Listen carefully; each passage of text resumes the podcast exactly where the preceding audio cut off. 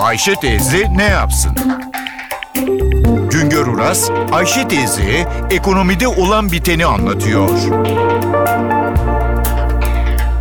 Merhaba sayın dinleyenler, merhaba Ayşe Hanım teyze, merhaba Ali Rıza Bey amca.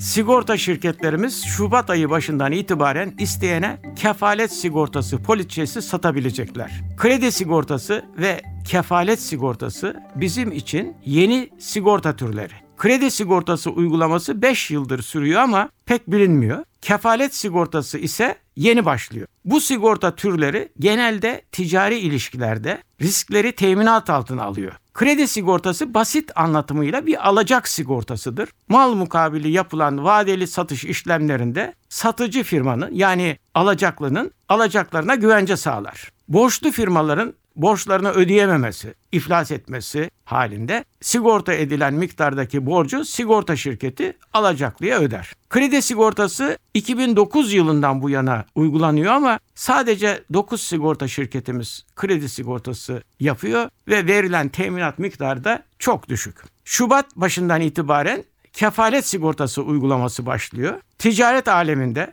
herhangi bir işi taahhüt edenlerden genellerde bir kefil bulması istenir veya bir teminat mektubu istenir. Kefalet sigortası basit anlatımıyla kefilin yerine geçecek veyahut da teminat mektubunun yerine geçecek. Borçlunun borç yükümlülüğünü yerine getirmemesi riskine karşı sigorta şirketi alacaklıya teminat verecek. Örneğin bir ihale kapsamında proje yahut da mal, hizmet ticareti yapanlara avans ödemesi alanlara bu yükümlülüklerini yerine getirmemesi yahut da avansın geri ödenememesi riskine karşı sigorta şirketi güvence verecek. İnşaat, mühendislik ya da makine üretimi gibi işlerde anlaşmaya uyulmaması halinde ortaya çıkan zararlar sigorta şirketi tarafından karşılanacak. Kefalet sigortası büyük müteahhitlik firmalarının büyük projelerde karşılaştıkları kefalet ve teminat bulma sorununun çözümüne yardımcı olacak. E, bir sigorta şirketinin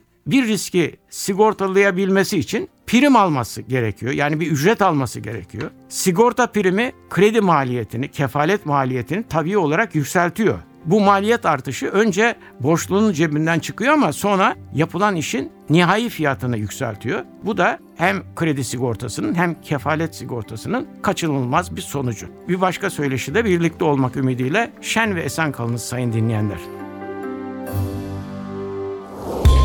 Güngör Uras'a sormak istediklerinizi ntvradio.com.tr adresine yazabilirsiniz.